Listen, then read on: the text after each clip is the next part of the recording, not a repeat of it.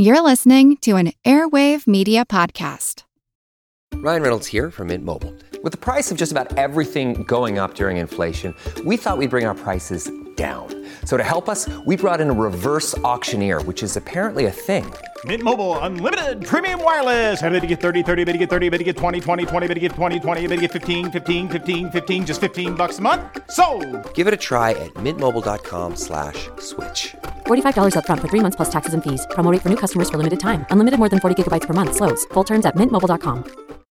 Look, Bumble knows you're exhausted by dating. All the must not take yourself too seriously and 6 1 since that matters. And what do I even say other than hey?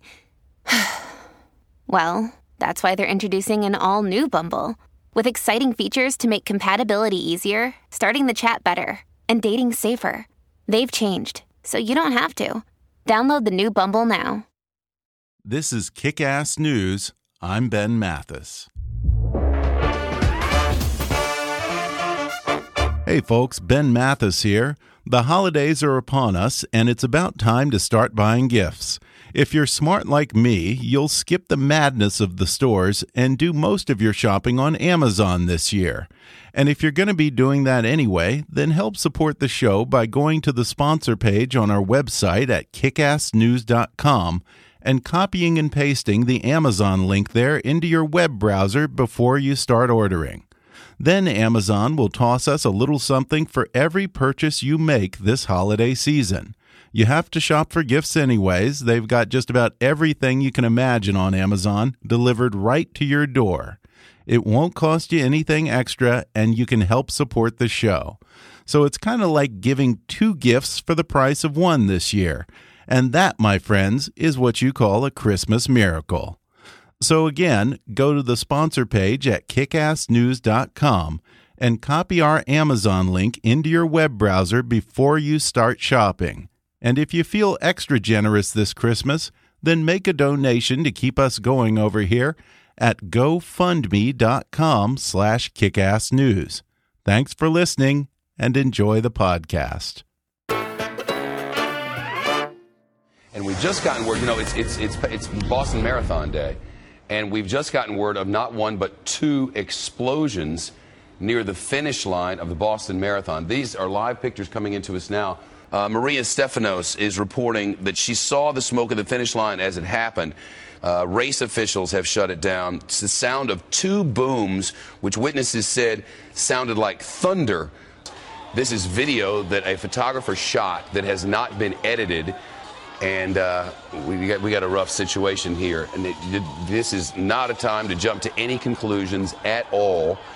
Uh, we, we, knew, we knew it was Boston Marathon Day and a beautiful day in the Northeast with the temperatures low, but no one certainly expected to see anything like this. Our April 15th, 2013 was a beautiful spring day in Boston, Massachusetts. As they had been doing since 1897, Bostonians gathered on the sidewalks of Boylston Street to celebrate the race that's an official holiday in the city and show some Boston hospitality to the runners who come every year from all over the world to run in the marathon.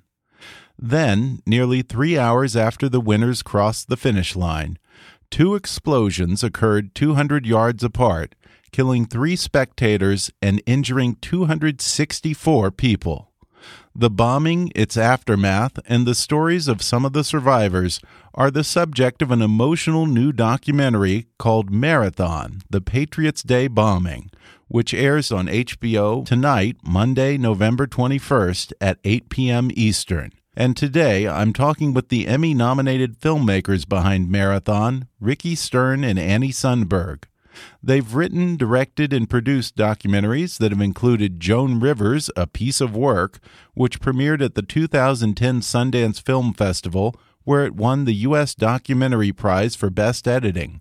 The 2007 Emmy nominated documentary, The Trials of Darryl Hunt, the 2008 Emmy nominated documentary feature The Devil Came on Horseback, and in 2011 their baseball documentary Knuckleball, which premiered at the Tribeca Film Festival and then broadcast on Showtime, and Burma Soldier, which premiered on HBO also in 2011 and earned them another Emmy nomination.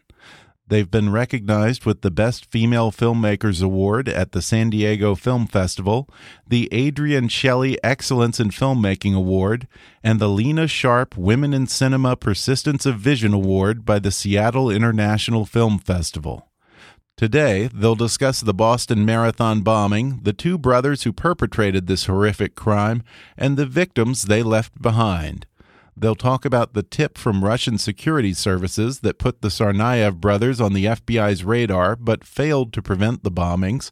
They'll discuss the investigation, the manhunt, and the subsequent trial that ended with Dzhokhar Tsarnaev receiving the death penalty in a non death penalty state, and how opinions about that verdict differ among the survivors. We'll discuss the long road to recovery, the tight knit bond among the injured victims of the bombing, how military doctors and wounded warriors have come to the aid of the survivors, and some of the remarkable advances in prosthetics that are helping them regain their mobility. When I talk with documentary filmmakers Ricki Stern and Annie Sundberg in just a moment.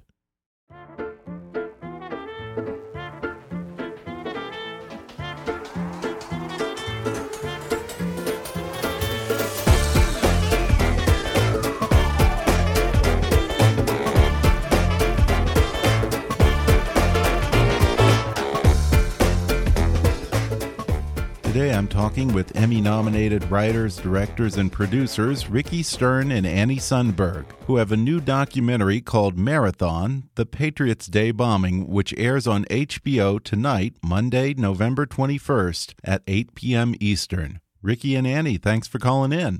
Thank you so much. I didn't realize this, but apparently the Boston Marathon is the oldest marathon in the country. Now, I've never gone to the Boston Marathon, so tell me, what is the atmosphere like at this event? So, the Boston Marathon takes place on a Monday in April. It's Patriots Day. It's a national, it's a holiday in, in Boston. The schools are closed.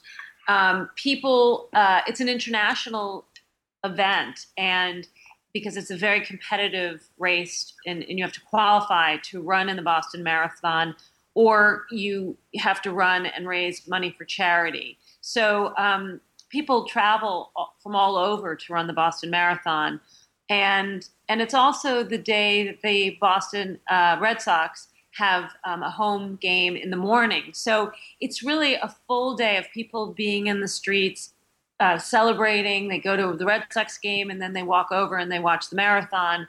And it's considered really one of the best days to be in Boston by by people, um, not just even who live there, but really uh, it welcomes. It's when they, they they welcome their arms with open arms to the rest of the world.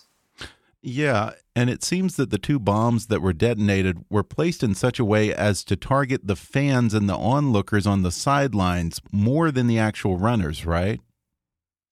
Absolutely. Um, what happened that day when the bombers made um, their decision to place the backpacks where they did is they were really targeting the crowds. If you look at the timing, the bombs went off at 2:49 p.m. and that's when the um, non-elite runners are coming in. The, the runners who are, you know, your friend, your sister, your mm-hmm. brother. So there were tremendous numbers of families that had gathered to cheer on, you know, their loved ones. And the purpose of placing those bombs there was a densely packed sidewalk, and the the possibility for collateral collateral damage was significant.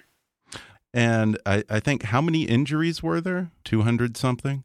There were 263 people injured that day at the marathon. There were 264 total, um, including the fatality of sh- when Sean Collier, the MIT officer, was killed a few days later.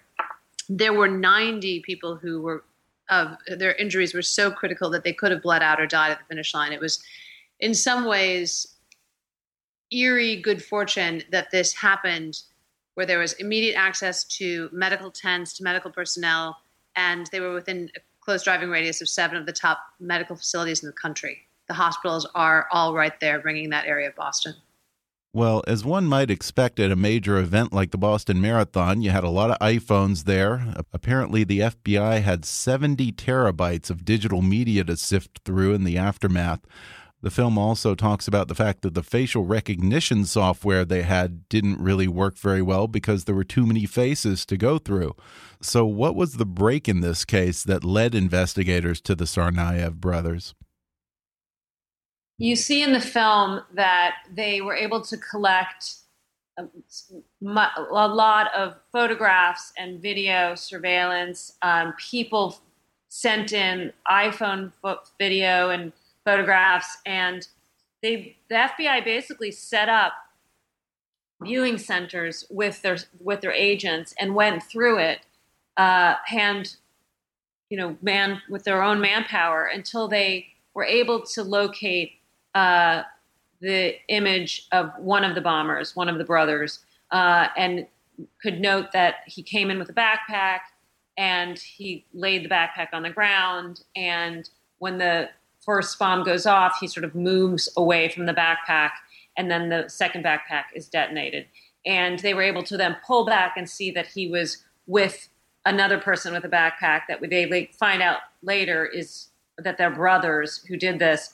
Um, and it was from those photographs that were wildly released uh, several days after the bombing that um, they the, this manhunt began. But it was that the and the brothers sort of they they uh, went to um, to leave Boston to get to to uh, New York City. Yeah, they were on their way to New York City. They hijacked a car, and um, it, they were pursued, and that's how they were tracked down. I mean, I think what was what was remarkable is we don't include this in the film because it ends up it's not really the focus of our film. But there was a period of time after the photographs have been released where there were, you know, people who had gone to UMass at Dartmouth, the University of Massachusetts Dartmouth campus, with Jahar Tsarnaev, the younger brother, and they all sort of scratched their head because people started saying, "Well, that looks a lot like Jahar." Hmm. Um, but Dzhokhar, you know, in the days between the bombing and their decision to take off once those photographs went live, he was living life as a college student again. He'd gone to the gym. He, you know, he was back in his dorm room, and it's uh, everything happened very quickly after the photographs were released to the public. Yeah, and would they be considered homegrown terrorists? I mean, I think part of it is the definition of terrorism. I think what mm-hmm. happened was these were two people who, and ultimately, you know, Dzhokhar Tsarnaev was convicted in a criminal court of a criminal act. Um, I think that he made his statement in the boat of what he felt at that time was guiding him.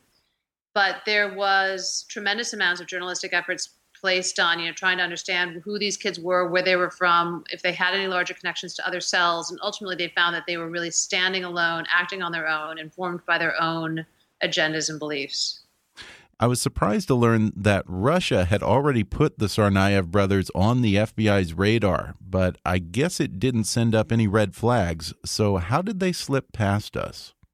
Well, it was unactionable intelligence. I mean, I think that they had mm-hmm. had it was sort of low level intelligence. They had a name, you know, that had been he had traveled to certain areas, but they basically, you know, we do live in a country that unless you've actually done something, they can't really you can't be subject to subpoenas. Um, and I think that they were looking they were looking very closely at it for a period, but they didn't find anything that was potentially actionable, so they they let it go.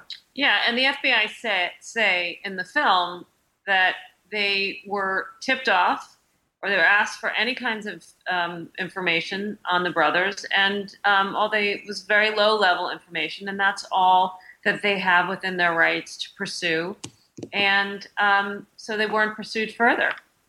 Well, the documentary is as much about the victims and their struggle to get their lives back as it is about the bombing and the manhunt. You had three deaths, but 264 injuries the two bombs that they made had metal shrapnel, nails, ball bearings, and the victims talk about having such complex injuries that they were in surgery almost every day. And it seems that these bombs were designed as much, if not more, to injure people than to kill them. I, I think that they were um, designed to inflict as much pain and trauma as they could. Um, and so uh, while the bombs themselves, uh, you know, the the, imp- the, the, impact they had was that they, they were packed with nails and BBs. And so many people were injured, severely injured. And because of where they were placed, low to the ground, um, the amputations that people suffered were mostly to their legs for people who have never been through the kind of injuries these survivors are dealing with, we tend to assume that they get fitted with a prosthetic, they do a little bit of physical therapy, and just walk away. But there's so much more to overcome when you're talking about dealing with such complex physical injuries, to say nothing of the psychological toll. Talk about the complications these survivors have been dealing with in the three years since the bombing.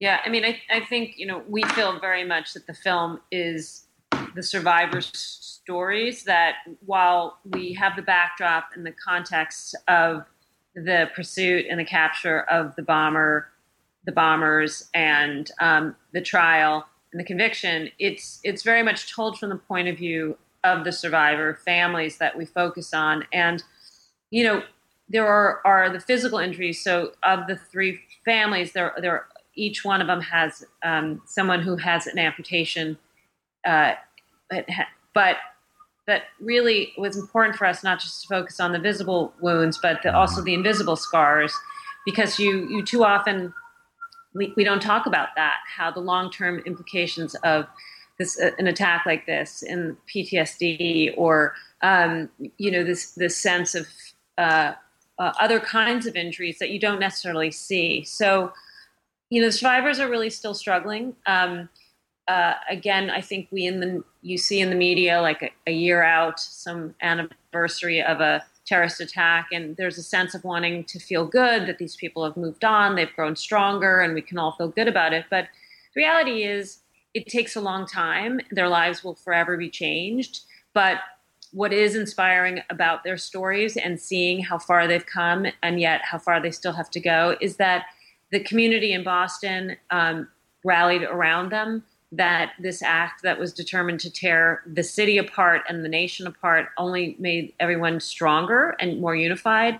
And I think that's really what we feel is very inspiring about their sto- about their stories and ultimately the film. That you see, you know, what it is to learn to walk and and get comfortable um, with the prosthetic or um, the aftermath of uh, experiencing the, the the marathon and suffering from PTSD. But in the end, you know, it's it's really an up and down struggle that that all of the survivor families are, are going through. Well, we're going to take a quick break, and then I'll be back to talk more with documentary filmmakers Ricki Stern and Annie Sundberg when we come back in just a moment.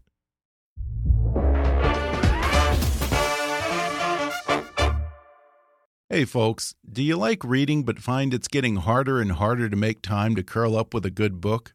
Well, there's a solution. Give audiobooks a try. They're perfect for your commute to work or working out at the gym, a relaxing bath, or any time, really. And right now, you can take an audiobook for a spin with a special promotion just for our listeners from audible.com.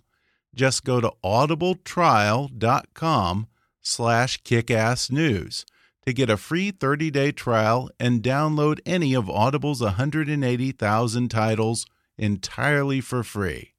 That's audibletrial.com slash kickassnews or click on the sponsor link on our webpage to download the free audiobook of your choice. And now back to the show. I thought one of the most interesting aspects of this film is that we're used to seeing wounded warriors who come back from Iraq or Afghanistan to a wife or a husband, parent, or family member who ends up taking on the difficult task of being the strong one in the relationship and making up for the other person's physical limitations. But in this case, what's unique is you have family members who sustained serious injuries at the same time together. You have the newlywed husband and wife, Jessica and Patrick.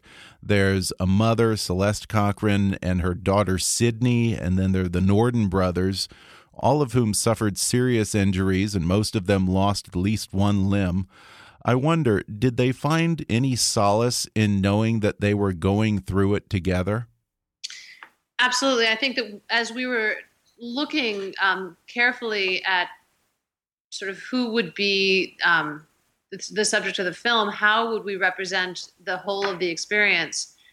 We knew we couldn't tell all the stories, but what we were hoping is that each of these families, in their own unique set of circumstances, would be able to open up some of that larger experience. And I think, you know, you have a family that's dealing with the invisible wounds of post traumatic stress and trying to navigate um, you know the relationship as a family and then you have this young newlywed couple who you know are both they were both grievously injured and they're trying to make their lives work given that they are both struggling to recover from amputations. So it was for us it was important to show how the impact of these kinds of terrorist acts these kinds of um, senseless tragedies on sort of the psyche and the spirit and what happens in those small quiet moments when the news media goes away and you're left um, you're left with what can often feel like unsurmountable challenges. Another unique aspect of this documentary is that it shines a light on the relationship between the victims of the Boston Marathon and members of the military who've come home with injuries. Um, in fact, you show a double amputee Marine visiting the bombing victims in the hospital immediately after the event to encourage them. And there seems to be a bond between the survivors and various members of the military throughout the film. Absolutely. I think for them, that's been, it's given them such, um, they, they really do feel that it's an honor to be able to be cared for and to do the rehabilitation at Walter Reed. And they have, um, they have learned and gained so much from being beside these soldiers. It's, it's incredible. And at one point, one problem the newlyweds, Jessica and Patrick, run into is that her recovery is taking a lot longer and it's a lot more complicated than his because there are very few doctors, apparently, with significant experience treating blast injuries in this country. So they end up going through a long process to get to be one of the rare cases of civilians to be admitted to Walter Reed Hospital, where they actually do have experts who deal with this sort of thing. Yeah, what's what's remarkable now is that um, both Patrick and Jessica are focused on new legislation that would basically um, help increase certain access and levels of trauma care for blast injuries. Given that this may be what we see more of in our country, we you know we're starting to hope that you know it, it's sort of preparing for the sad inevitability that this may happen again. And while trauma centers are amazing at dealing with gunshots and car accidents, they're not so great at dealing with debriding and you know and salvaging limbs and other elements that can come from blast injuries, where you have so many things you know that rip through you and that just embed in different ways. And the surgeons at Walter Reed, that's what they're seeing. They're seeing IED injuries from Afghanistan, and it's and it's informed a lot of what Jessica is going through with her own care right now. You know, when I look back at the injured who came back from World War II and the Civil War, they had these limbs that were made to hide the fact that they wore prosthetics and make them look more like human limbs, but they didn't function very well. But now it seems that once we've gotten past the stigmatization, we've been able to open it up to much more effective technology and more innovative materials that have really changed the game for amputees.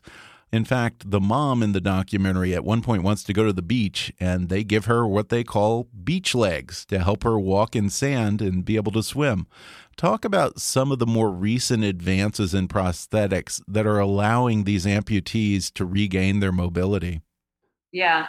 Well, I think um, what's happened is uh, as a result, unfortunately, of these wars, uh, these young men and women who are in the serving in the military um, we see more increasingly the the impact of IEDs and and what kind of damage those homemade bombs do to um, the body, where people are living but they're living without limbs. And so, in the past years, um, there's been a lot of um, new inventive uh, technology, yeah, to service uh, these young people because you know historically these uh, prosthetics, prostheses, have been made for elderly, or oftentimes it's someone maybe in a car accident or diabetes. Sometimes you have to have an amputation. But they've really tried to get these young uh, servicemen and women back doing the things they love to do, whether that's skiing or yeah. rock climbing, swimming, walking down the beach. And so for um, Celeste in the film and for Jessica and Patrick who are who are covering at Walter Reed, um, it's they, as Annie was saying, you know, they, they feel so so it's so important that this technology is shared with um, all people who who suffer from an amputation. You know, it must on some level almost extend the psychological trauma for the people of Boston when they have a whole community of people, 200 something survivors, with permanent visible injuries that kind of serve as a reminder of what happened that day. That must make it hard. Absolutely. I think that's the other issue too, though, with people who have had, in some ways, the the emotional and the mental health issues, uh, the fallout that can happen when you know something like this happens to a community. You don't see them. You don't know to think that they might be hurting. It can be quite destructive for an individual and for their family. And it's also led to a bond among the victims. They attend each other's family events. In the film, you see just about all the amputees attending one of their weddings. It seems that they've formed a pretty tight bond. They have deep, deep, deep close relationships. I mean, I think it's like any anything that you go through a crazy experience, you know, traumatic experience like that, and it's a shorthand. They all they all know what they've gone through. They they trade information. They help support each other. Um, they might refer each other to different prosthetic places. They also just get together and enjoy each other. I think, um, you know, as Pat, as Jess says, when JP gets married, when somebody has a high moment, they're all celebrating because they know how hard won those moments are, and um, you know, and they're all so different. You know, they they come from incredibly disparate backgrounds, and you know, the fact that this is the reason for their friendship. Um, I think I wish you had seen the banter between JP and Patrick at the screening in Boston on Tuesday night because they can give each other shit in the best ways, and it's and it's really remarkable and great to see. And many of them attended the trial and testified against Dzhokhar Tsarnaev. Did that bring the victims any sense of closure or satisfaction that they had the chance to confront their attacker? I think it was mixed. You know, from our perspective and, and just focusing on these three survivor families, I think you have a mixed opinion. Um, Liz Norden says in the film that it, it, gave her a sense of satisfaction that, that justice had been served, but um, she would not have would say that it, I don't think she would say that it brought her closure. Uh, I think she still wonders and and and uh, considers what happened unfair, um, even though, as she said, you know, it's you know, it's there is no making sense of it. Um, so I think it's really mixed. Uh, I, I, think the trial was uh, hard, very hard for some people. Yeah, I think the timing of the trial was particularly hard because it came two years after the bombings, and it literally was that April of 2015. And I think for some people, you know, the physical rehabilitation was continuing, but emotionally, people were starting to kind of be in a different headspace, and then it just opened things right up again. Mm-hmm. And I think it was, in particular, I think for Jessica, a very hard, uh, hard experience to testify. Although Massachusetts is not a death penalty state, it was a federal case, and Dzhokhar Tsarnaev did receive the death penalty. Where did most of the victims stand on this issue of whether he should be executed or not? It's hard to know for the larger survivor community. Mm-hmm. We can really only speak in some ways for the people who participated in our film. I know for there was you know for the people who had really conflicting emotions um, and philosophies about the death penalty. It was also a very difficult trial. Um, Massachusetts is a state with no death penalty. It became a federal case that brought the death penalty back into the state.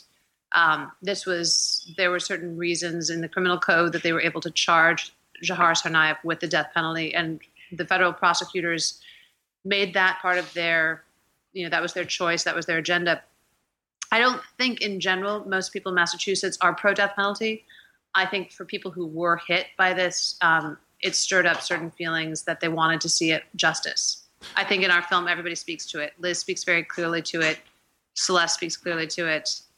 Jess and Pat have their own views. The Boston Globe gave the Richards a format, you know, for them to share their op-ed, their thoughts, and I think that um, you know the survivor community was really split on it but in some ways we were talking about this early, earlier today we now live in a country that is so politically divisive where there is so much partisanship that it has been truly um, inspirational to watch these families with very mm-hmm. very distinct and different views on the death penalty have a respectful conversation about what it means for each of them. And of course life goes on. We've now had uh, i think three marathons since the bombings what has the mood been like at the Boston marathons in the years since the bombing? Well, it's funny. I, we, there was a screening last night on Nantucket Island, which is a small island in Massachusetts that's sort of within the Boston orbit. And there were two people there who were runners who, you know, they they participated last year, and everybody was bemoaning it's like innocence lost. It's this idea that what used to be this incredibly inclusive celebration of a day, people had the day off from work, you know, people they used to call them. What was the name if you just jumped in and you broke ranks, just ran the Boston Marathon? As what's it called? I forgot what that's called. It's not like a pirate or something or a bandit. I think they're Yeah. called bandits. The people used to just jump into the marathon and run it, and they didn't have an official number, and that's gone now. Yeah. And I think that there is just um, kind of a psychic sadness that our society is changing for that, you know, in that way. Well, again, the documentary is called Marathon The Patriots' Day Bombing, and it airs on HBO Monday, November 21st at 8 p.m. Eastern. Ricki Stern and Annie Sundberg, thank you for joining me. Thank you so much. Thank you. Thanks again to Ricki Stern and Annie Sundberg for joining me via Skype. Marathon The Patriots' Day Bombing airs tonight, Monday, November 21st at 8 p.m. Eastern on HBO. And you can also watch anytime with a subscription to HBO Go or HBO Now. For more information, visit HBO.com. You can learn more about Ricki and Annie and their previous work at breakthroughfilms.org and follow them on Twitter at, at RicksterStar and at Annie Sundberg. And once again, before you start your Amazon shopping this Christmas, visit the sponsor page on our website at kickassnews.com and copy our Amazon link into your web browser first. Then Amazon will kick us a little coin for every order you make this season. Be sure to subscribe to Kickass News on iTunes and leave us a review while you're there. You can visit Kickass News on Facebook or follow us on Twitter at, at KAPolitics. And please be sure to recommend Kickass News to your friends on your social media. And if you really want to help out, then donate to our GoFundMe campaign at gofundme.com slash kickassnews. As always, I welcome your comments, questions, and suggestions at comments at kickassnews.com. For now, though, I'm Ben Mathis, and thanks for listening to Kick Ass News.